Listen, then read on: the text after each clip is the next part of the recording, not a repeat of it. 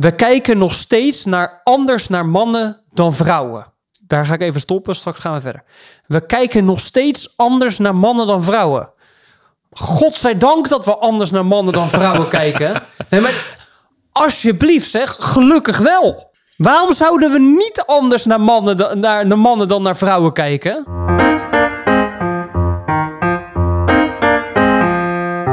Een gesprek over maatschappelijke onderwerpen waar de mitsen, maren en nuances worden opgezocht. Mijn naam is Lars Bentin, ik ben bestuurskundige en schrijver. Ik ben Erik van der Plicht, docent maatschappijwetenschappen en socioloog. Welkom bij Gezwever, de podcast.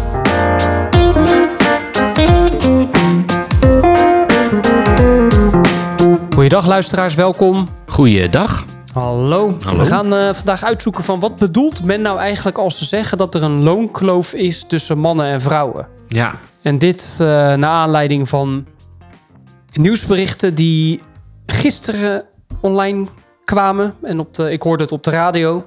Dat eh, onderzoekers erachter zijn gekomen dat de loonkloof tussen mannen en vrouwen de afgelopen twee jaar weer gestegen is. De loonkloof is weer groter geworden tussen mannen en vrouwen. ja, En daar zou dan, eh, daar kan jij straks voor mij wat meer over vertellen, allemaal wetgeving komt er dan weer aan die dat dan weer moet voorkomen. En waardoor ja, het idee daarachter is gelijk werk, gelijk loon. Dus mensen die dezelfde ervaring hebben, dezelfde opleiding en dezelfde baan zouden, of taak in een bedrijf zouden dan precies hetzelfde moeten verdienen. ja. En ik ben het daarmee oneens. Ik ben het daar, daar ook mee oneens. Jij bent het daar ook mee oneens. En wij willen dat vandaag gaan bekijken van... Wat, waarom zijn wij het oneens met gelijk loon, gelijk werk? Ja. Nee, ja, gelijk loon, gelijk werk. En ook, wat bedoel je nou eigenlijk als je zegt dat er een loonkloof is tussen mannen en vrouwen? Wat, wat wil je daarmee zeggen? Ja. Ja, en ik denk ook dat eh, als er twee eh, mensen zijn die daar iets over kunnen zeggen, dan zijn het eh, twee heteroseksuele witte mannen die over het onderwerp. om maar alvast een voorschot te nemen over eventuele critici. Ja, Ehm, maar nee, ja, klopt. Nee, Ja. Voor mij is, is ook wel, we zullen er zo dieper op, op, op induiken, maar voor mij is het heel erg belangrijk om ook te, te bespreken. Er komt dus zo'n wet aan, maar dat gaat ervan uit dat de, het verschil tussen eh, de, de gemiddelde loon verklaard wordt door een soort vorm van seksisme dat Ja. mannen bevoordeeld worden. eh bevoorde, ja, bevoordeeld worden en ehm, vrouwen benadeeld worden. En als je wetgeving op bepaalde aannames gaat baseren. En stel je voor Ja. dat de wetgeving niet voor de resultaten gaat zorgen Ja. eh, die je eigenlijk voor ogen hebt. ja.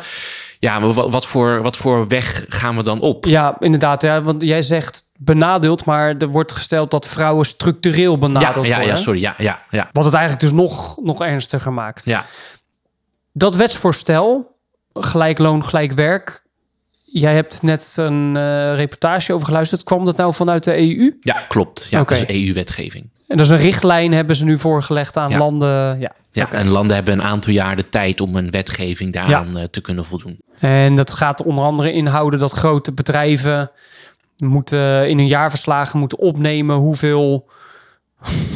Ieder, ja, het is echt absurd. Maar hoeveel, eh, eigenlijk gewoon een soort salarisschaal, eh, zoals wij in het onderwijs hebben. In het onderwijs heb je schalen en tredes. En dan weet je gewoon precies van hoe lang werk je er. En eh, nou, misschien is dit overigens ook gelijk wel, zal ik dat straks ook gelijk maar het, onder, het, het voorbeeld van het onderwijs gebruiken om te laten zien waarom het een, een heel slecht idee is om mensen die even lang ervaring hebben en dezelfde opleiding hebben en hetzelfde, dezelfde taak vervullen om die per definitie per se bij voorbaat al gelijk te betalen. Ja. Hetzelfde loon te geven. Dat is gewoon een heel erg slecht idee. Laten we beginnen met het artikel van de NOS. Ja, Met als titel Inder intermediair Nijenrode salariskloof tussen mannen en vrouwen groeit. Is van gisteren. Gisteren was het 2 oktober 2023. Het salarisverschil, eh, ik citeer het artikel. Het salarisverschil tussen mannen en vrouwen is volgens onderzoekers de afgelopen twee jaar groter geworden. Mannen verdienen nu gemiddeld 7,4% meer dan vrouwen voor hetzelfde werk. En ik hoorde gisteren op de radio, als je echt de gemiddelde man neemt en de gemiddelde vrouw, dan verdient dus de man gemiddeld 7,4% meer dan vrouwen voor hetzelfde werk. Ja. In deze zin zit al precies de aanname waar ik dus, ik, denk jij ook, zo moeite mee hebt. Dat er al vanuit gegaan wordt van een vorm van eh, institutioneel seksisme. Ja, precies. Ja. En dat het zou gaan om hetzelfde werk. Ja, Alsof twee mensen die hetzelfde werk hebben, überhaupt zo makkelijk met elkaar vergeleken kunnen worden. ja, Jij bent schrijver of communicatieadviseur.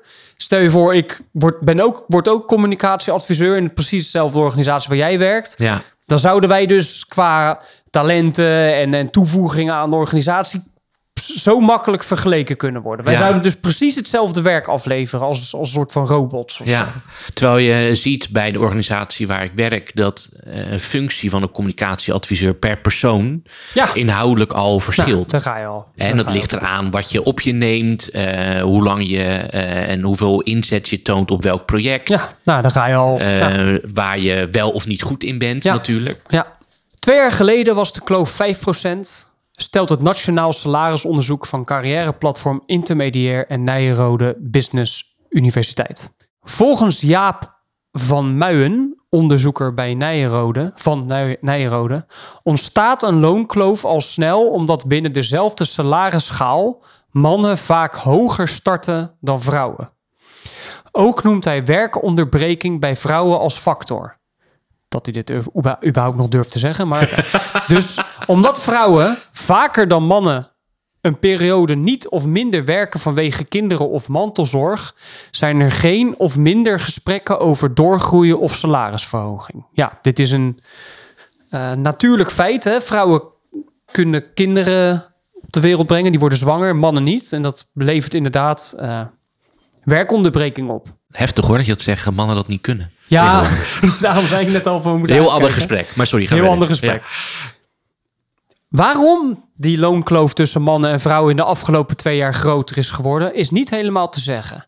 Van Muijen denkt dat het te maken heeft met de forse loonstijgingen van de afgelopen tijd. Als je al iets lager bent ingeschaald als vrouw dan de man en iedereen krijgt er 10 of 14 procent bij, dan groeit die kloof. Want stel, je verdient 100 euro en je loon gaat 10 procent omhoog, dan ga je er 10 euro op vooruit. Maar verdien je 150 euro, dan ga je er 15 euro op vooruit. Ook vermoedt hij dat salarisonderhandelingen een rol spelen.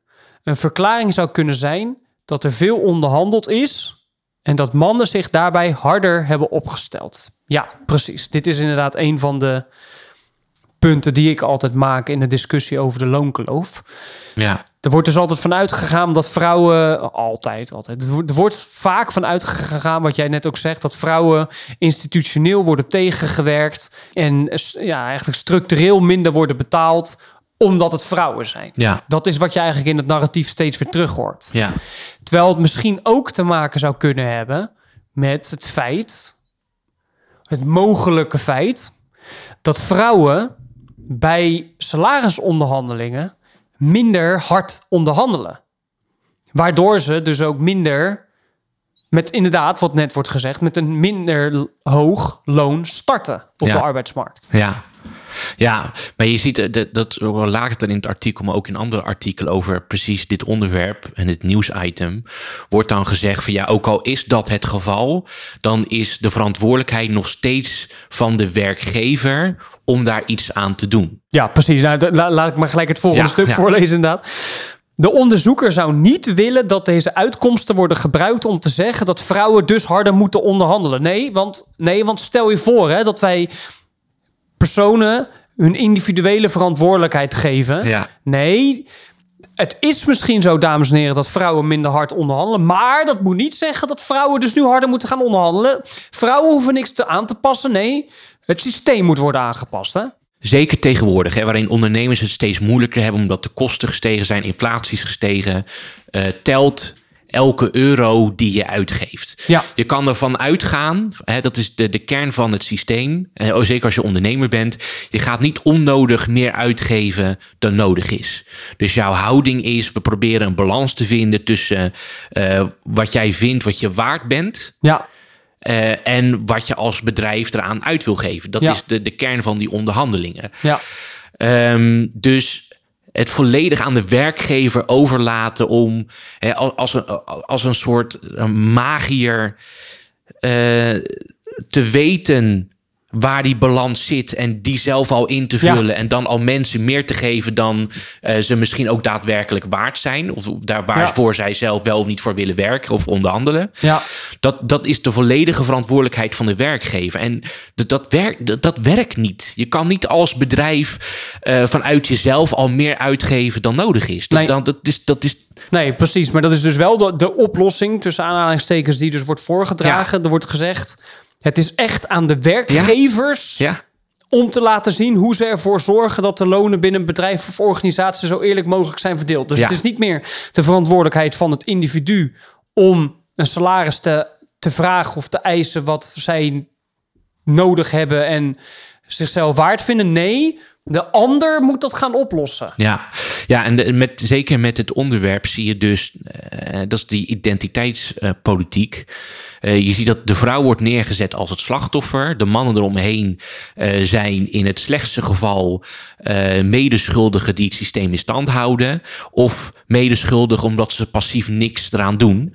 Ehm, en dan heb je nog de werkgevers die als een soort boeman worden neergezet. Terwijl wat ik heel naar vind aan dit soort artikelen die werkgevers, dat zijn ook mensen die proberen om een bedrijf Ja. in stand te houden. Die ooit misschien zijn begonnen met hun droom, eh, met een droom en dan een, een bedrijf zijn gestart om, eh, weet ik veel, een droom werkelijkheid te laten worden.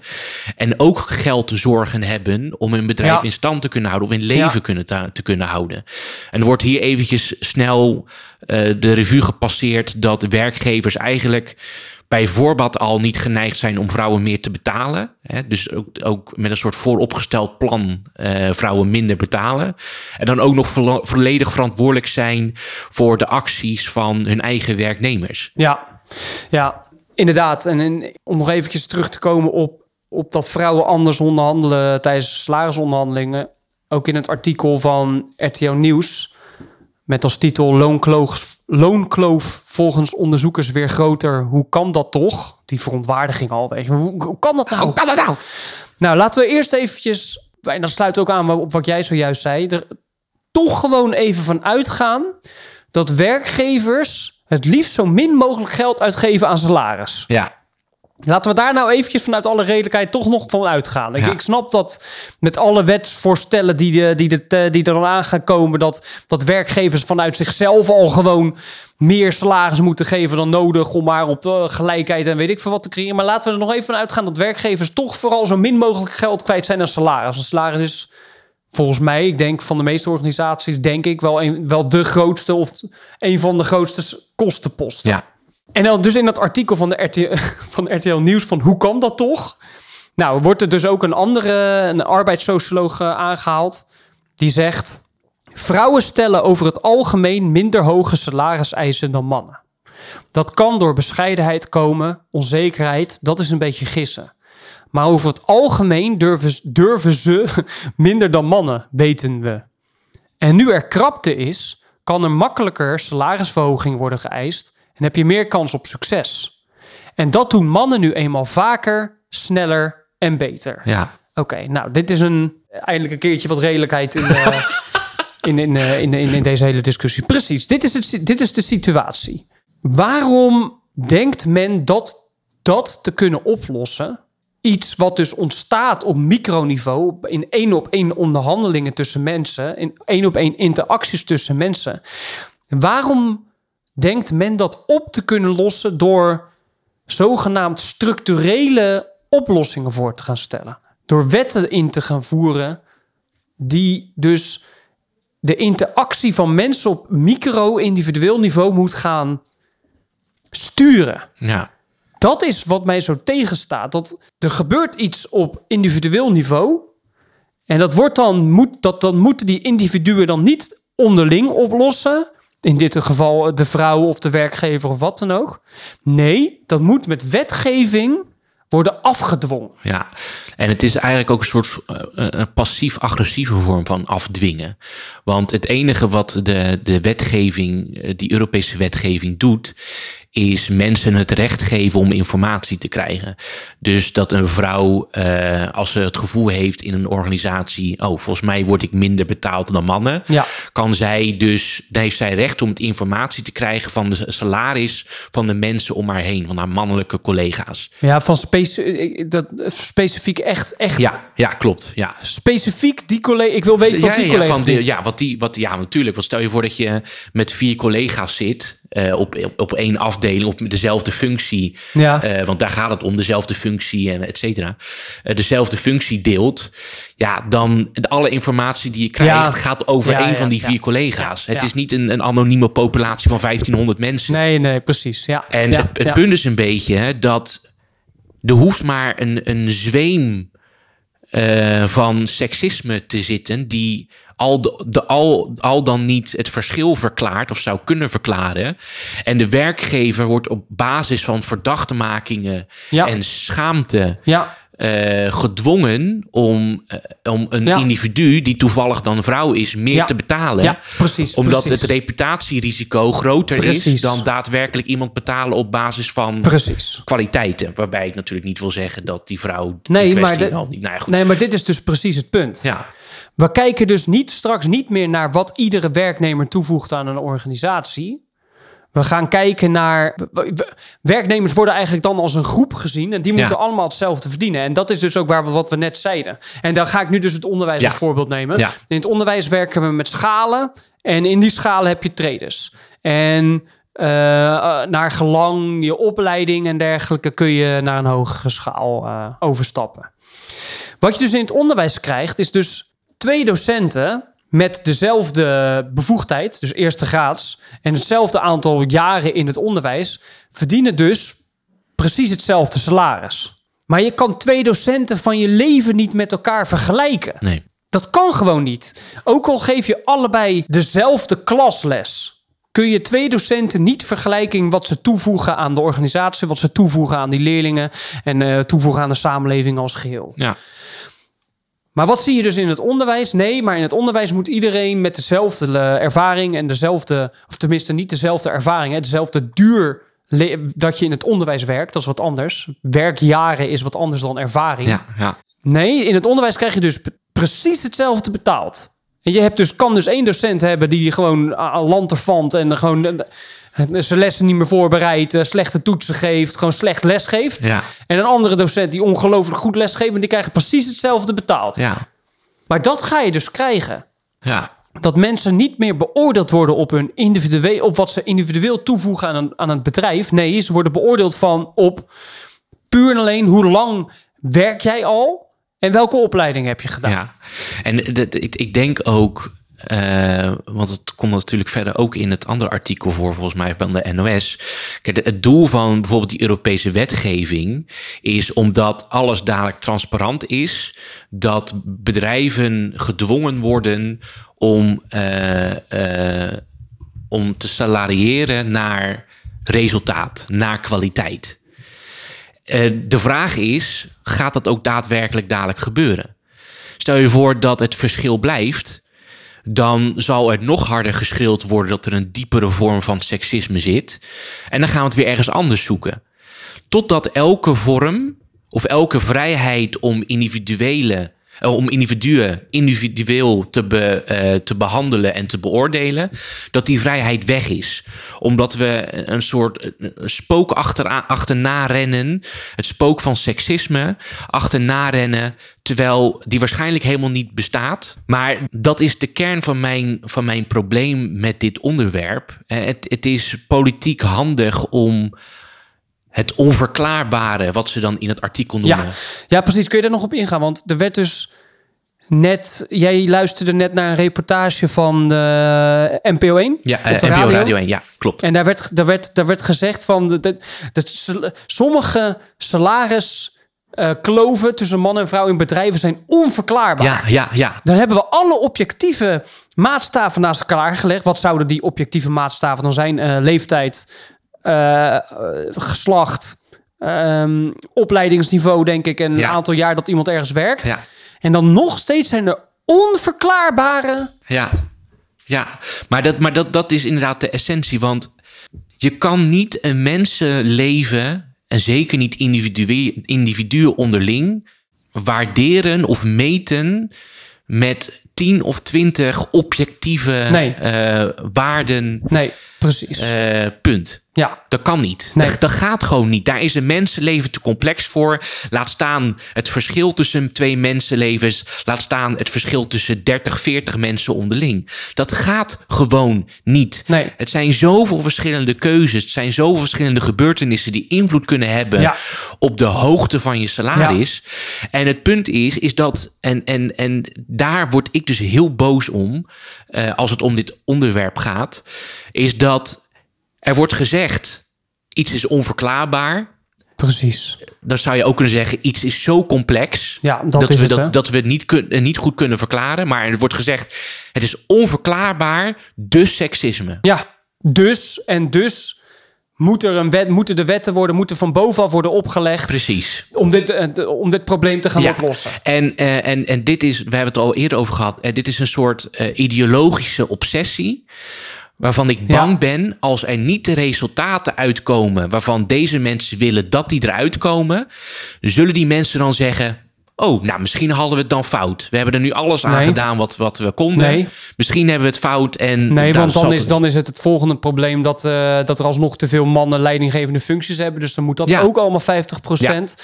En dan is het volgende probleem dat er te veel oude mensen zitten. Dus dan moeten er ook al, op een gegeven moment moet alles 50% worden afgedwongen. 50-50. Ja, ja. En dat, en, maar, maar dat is ook in het algemeen mijn, wat ik steeds meer een probleem begin te vinden van, eh, ja, zou ik het even kort door de bocht, politiek links mogen noemen, van, van, van politiek links. Het idee dat de mens en de maatschappij maakbaar is. Ja, en dat het verschil tussen individuen, tussen mensen, alleen verklaard kan worden door systemische problemen of onderdrukking. Precies, Of- en niet. En Dat is niet te verklaren door individu, Ja. individueel gedrag. Nee, Ja. het is alleen maar te verklaren inderdaad, zoals jij zegt, door het systeem. ja, Ik heb er ook eh, afgelopen week een opinieartikel over geschreven over ongelijkheid in het onderwijs. Hè, dat daar ook in het onderwijs moeten dan ook allemaal plannen worden doorgevoerd, waardoor de zogenaamd gelijkheid afgedwongen wordt. Maar onge- ongelijkheid is een sociaal feit wat altijd in, in altijd in groepen mensen in samenlevingen is er ongelijkheid. ja, Want laat ik iets anders toevoegen. Hè? Die socioloog die ik zojuist aanhaalde. In het RTL nieuwsartikel valt te lezen dat zij iets zorgwekkends ziet. En dat is, citaat... We kijken nog steeds naar anders naar mannen dan vrouwen. Daar ga ik even stoppen, straks gaan we verder. We kijken nog steeds anders naar mannen dan vrouwen. Godzijdank dat we anders naar mannen dan vrouwen kijken. Nee, maar alsjeblieft zeg, gelukkig wel. Waarom zouden we niet anders naar mannen, dan- naar, naar mannen dan naar vrouwen kijken? Nou ja, het, het grappige is, is dat het ligt eraan per onderwerp. Want als het bijvoorbeeld gaat over de medische wereld, dan wordt de nadruk gelegd op het verschil tussen mannen en vrouwen. Ja, precies. Daar hebben we het inderdaad ook een keer Ja, over. dus, dus het verschilt per politiek onderwerp of er we eh, mannen en vrouwen gelijk moeten behandelen, of mannen en vrouwen juist niet gelijk moeten behandelen. Ja. Dat ligt aan, aan de ideologische overtuiging die dan. Ja, het is, dit is echt een absurde uitspraak, maar we gaan verder. Citaat. Vrouwen worden in onze samenleving toch nog vaak gezien als mensen. Ja, dat dan wel, maar wel als mensen. Vrouwen worden in onze samenleving toch nog vaak gezien als mensen die werk en gezin combineren. En mannen worden gezien als personen die carrière maken. Ik zal je eens even wat vertellen. Nee, vrouwen worden niet zo gezien en mannen worden niet zo gezien. Vrouwen zijn daadwerkelijk degene die vaker werk en gezin combineren. En mannen zijn daadwerkelijk degene die vaker voor hun carri- carrière gaan. Ja. CBS, 12 april 2023. Titel: Vrouwen werken meteen na afstuderen al vaker in deeltijd dan mannen. In de jaren na het behalen van hun diploma gaan vrouwen vaker in deeltijd werken dan mannen met een vergelijkbare studieachtergrond. Oh, met een vergelijkbare studieachtergrond. Vrouwen met een voltijdbaan stappen ook vaker dan mannen over naar deeltijd, vooral als ze samenwonen. Na de komst van een kind wordt dat verschil nog groter. En er staat dan ook dat na negen jaar werkt twee derde vrouwen met mbo-diploma en deeltijd. En ook vrouwen zonder kinderen werken vaker deeltijd dan mannen. Nou ja, goed, het- dus simpel, het is een feit. Vrouwen werken inderdaad vaker deeltijd dan mannen. En Ja. dan staat er nog een kopje verdeling werk en zorg ongelijk verdeeld. En er staat uit eerder onderzoek van het CBS blijkt dat in 2022 ruim 4 op de 10 partners met jonge kinderen aangaven dat zij betaald werk en zorg voor de kinderen het liefst gelijk zouden verdelen met hun partner. De, verdeling, de werkelijke verdeling van zorgtaken en betaald werk is in de afgelopen decennia minder ongelijk geworden, maar is nog altijd aanzienlijk traditioneler dan de gerapporteerde idealen. 1 op de 10 ouders met minderjarige kinderen gaf aan zorgtaken en betaald werk gelijk te verdelen. Bij nagenoeg alle andere ouders besteden de vader meer tijd aan betaald werk en of de moeder meer tijd aan zorgtaken. Dus dat is simpelweg een feit. Dat is gewoon, Ja. dat is zo. Ja. Vrouwen vaker zorgtaken, mannen vaker werken. Dus het is niet zo dat we vrouwen en mannen zo zien. Nee, het is zo. Ja, ja en het, het punt is natuurlijk dat eh, progressief, of het nou links of, recht, eh, links of rechts is, eh, dat, dat progressieve idealisten of politici of activisten vaak de nadruk leggen op het feit dat vrouwen daar dus vaker voor kiezen vanwege het beeld dat er Ja, heerst. Het systeem. Ja.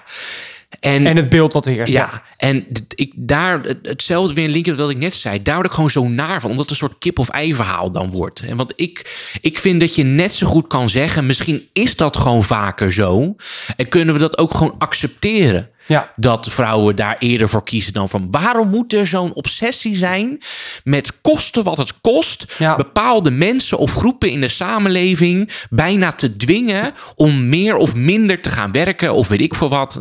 Ja, Ik- weet, je, weet, je, weet, je, weet je wat ik wel eens denk, Lars? Ik denk, tenminste, wat ik, dat, is, dat is die paradox, hè? Dat progressieve en dan vooral links-progressieve mensen... Het lijkt wel alsof zij zelf neerkijken op vrouwen die zorgtaken doen. Ja. En daarom vinden dat ook alle vrouwen voltijd moeten werken. Ja, ja. ja maar dat, dat, dat, klopt. Want De, de, de- dus zij kijken daar eigenlijk zelf een beetje op neer. Ja. En daarom zeggen ze van, dit is ongelijk en dit is oneerlijk. En dat Ja. komt omdat iedereen, omdat de samenleving, niet wij, nee, want wij zijn links-progressief. Maar de samenleving kijkt anders naar mannen dan naar vrouwen. En eh, waardeert vrouwen lager. Nee, weet je wat jij gewoon onbewust doet? Jij waardeert vrouwen lager. En daarom denk je dat de rest van Nederland dat ook doet. Ja. Ik, ik waardeer vrouwen namelijk helemaal niet lager. Maar ik denk wel dat vrouwen en mannen andere rollen Ja. vervullen en anders zijn. Ja. Godzijdank. ja. ja, nee, dat klopt. En, en als je, eh, het, was, niet- het was niet ideologisch, op zijn simpel ideologisch bezeten was het. Maar als je ideologisch bezeten bent met het, met het beeld of het ideaal dat er totale gelijkheid moet zijn tussen mannen en vrouwen, dan is elke vorm van het verschil tussen jouw ideaal en wat de werkelijkheid is, Ja, is dan afhankelijk van het systeem. Ja, Eh, of daar zorgt het systeem voor. ja, Eh, dus voor je het weet, en dat is het hele nare natuurlijk van, eh, voor je het weet kom je in een soort neerwaartse spiraal terecht, waarin er steeds meer wetgeving nodig is die onze individuele vrijheid, vrijheden inperken, Ja. om een soort eh, maatschappelijk ideaal te kunnen verwezenlijken. dat is het, hoe heet dat effect ook alweer? Dat hoe meer gelijkheid er is... Het Tocqueville-effect. het Tocqueville-effect, ja. Ja. Hoe meer gelijkheid er is, Hoe groter de verschillen worden gemaakt. Ja, zichtbaar worden. Zichtbaar worden, ja. Hoe groter de, de, Ja, de kleine straks, verschillen stel je ja. voor, hè, straks is, dan, is het dan echt zo... Ik hoop dat het gewoon nooit mag plaatsvinden... maar dat ook alle vrouwen deelt, eh, voltijd werken in Nederland. Ik gun het niemand toe om voltijd te werken, eerlijk gezegd. Ik geef vrouwen ook groot gelijk dat ze vaak kiezen voor deeltijd werken. Ja, eens, ja. Stel je voor dat het dan zo is... dat, ook, dat alle vrouwen ook voltijd werken. Iedereen werkt voltijd. Iedereen draagt vol, volkomen bij, volledig bij aan het, eh, aan het systeem... om de overheid en alles draaiende te houden. Wat wordt dan het volgende waar we dan ons dan druk om gaan maken? Van oké, ja, ja, nee, maar het, ja, klopt. Vrouwen en mannen werken inderdaad allemaal eh voltijd. Maar we zien nu dat vrouwen vaak net iets langer op hun werk blijven. Omdat vrouwen iets meer kwaliteit willen leveren dan mannen. En dus blijven ze iets langer op het werk. En dat is ook ongelijk. Want vrouwen durven niet aan te geven dat ze net vijf minuten of tien minuten gemiddeld langer dan mannen op hun werk blijven. En dus moet er een wet worden ingesteld waardoor iedereen klokslag vijf uur naar huis moet. Of- Weet je, dat, dat, dat, dat je zo'n zo klok hoort in de, in de bus. Toeng, en dan moet iedereen weg. Weet je, dat wordt dan de volgende stap. Of in het paradoxale geval dat die vrouwen dus meer betaald zouden moeten krijgen omdat ze langer op werk blijven. En dan zijn we weer terug aan het begin. Ja, precies. Dus het is, ja, het eigenlijk is, waar we het eigenlijk over hebben, is dus, wij ageren eigenlijk tegen dat idee dat situaties die op individueel niveau ontstaan, moeten worden opgelost door, door de, het hele systeem aan te passen. Ja, Waardoor de individuele verantwoordelijkheid dus eigenlijk mensen worden ontslagen van hun individuele verantwoordelijkheid. en we gaan ervan uit dat eh, eh, het, het, het, het verschil, wat men dan onverklaarbaar noemt, Ja, dat dat één op één eh, gelegd kan worden met seksisme. ja precies. En, ehm, en ik, kijk, je hoort mij niet zeggen dat er niet een vorm van seksisme is. Wat, wat ik wel, wat, wat, wat ik heel naar vind, is dat we er gewoon van uitgaan ja, dat het seksisme is. Ja. Dat we niet denken, de, de, de situatie is zo complex, er kunnen misschien meer eh, eh, aspecten eraan vastzitten, of er meer aspecten aan zitten die het kunnen verklaren. Nee, het is seksisme. Ja. Je, je hoort ook in dat, radio, in dat radiogesprek, er worden ook geen kritische vragen meer gesteld.